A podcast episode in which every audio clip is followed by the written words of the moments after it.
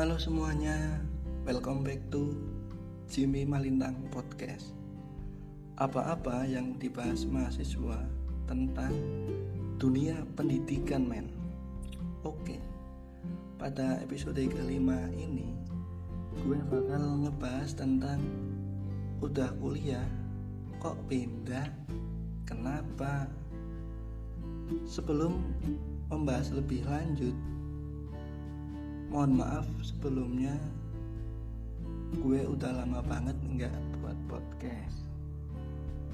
Karena ada hal yang harus diselesaikan.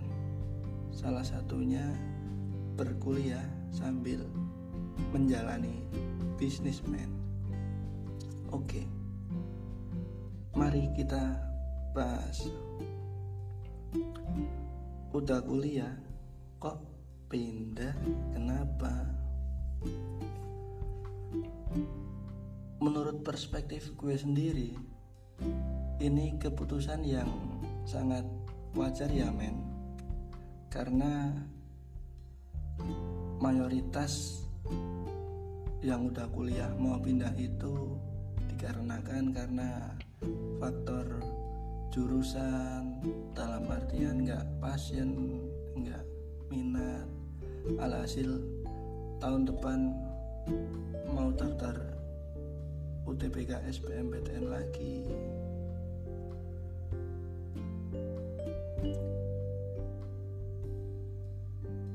And then opini gue sendiri kuliah itu nggak wajib kok. Yang wajib itu kita dituntut harus terus belajar men. Menurut perspektif gue mayoritas masyarakat di Indonesia menginginkan untuk bisa berkuliah di perguruan tinggi negeri. Karena ada beberapa keuntungan Salah satunya faktor finansial. Kuliah di PTN di negeri di mana biayanya sangat terjangkau, murah. Kalau kita masuk lewat jalur undangan atau SBMPTN, kita cuman bayar uang kuliah tunggal UKT. Beda halnya kita kuliah di swasta. Kita diwajibkan harus membayar uang pangkal. Faktor yang kedua, faktor lingkungan. Di mana di PTN sendiri lingkungannya sangat baik. Dalam artian dalam hal interaksi sosial maupun lain sebagainya men. Faktor yang ketiga adalah faktor akreditasi men. Mayoritas PTN di Indonesia itu berakreditasi A dan PT. Beda halnya dengan akreditasi di universitas swasta. Mayoritas B.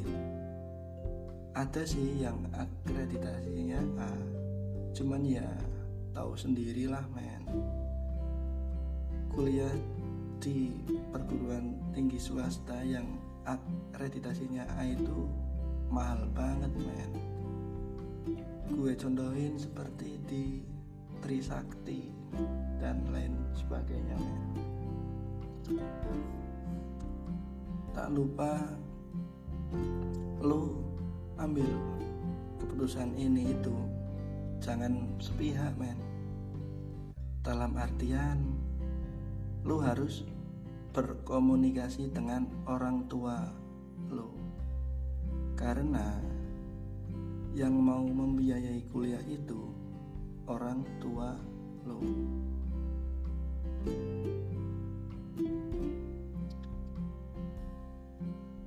And then pertimbangkan juga kenapa lo kok ngambil keputusan keputusan ini dalam artian udah kuliah kok mau pindah. Pertimbangkan juga faktor finansial orang tua. Apakah orang tua itu ke depannya mau membiayai atau tidak? Tapi menurutku sih santuy aja ya men. Karena di perguruan tinggi negeri itu banyak kok beasiswa beasiswa di sana yang nantinya bisa kita apply men. Terus pertimbangkan juga faktor umur. Umur itu sangat penting. Kalau sekiranya umurnya masih bisa untuk mengulang di tahun depan. Ya menurutku sih nggak apa-apa sih. Worth it aja.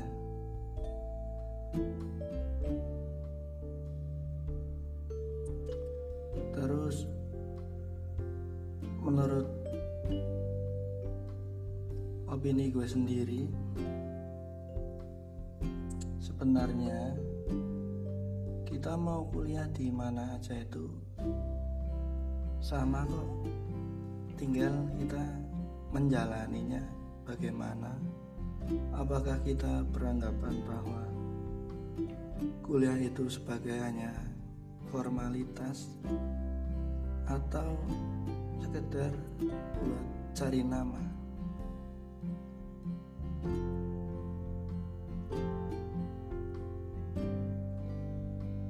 Banyak dari teman gue yang sudah kuliah mau pindah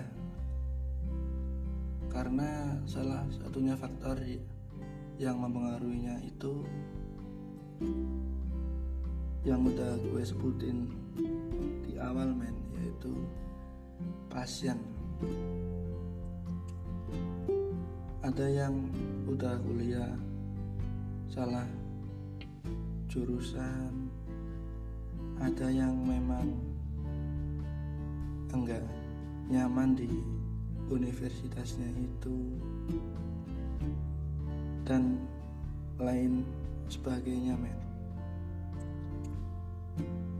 saranku ya tetap berprinsip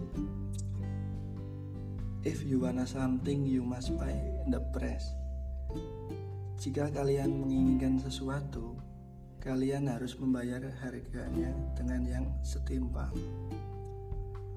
Intinya, nikmati dulu prosesnya, and then orang itu seperti teori behavioristik man, di mana cuman melihat hasilnya saja melainkan bukan prosesnya. Percayalah, usaha itu tidak akan mengkhianati hasil kok. Manjada wajada, barang siapa yang bersungguh-sungguh, niscaya pasti akan berhasil, men.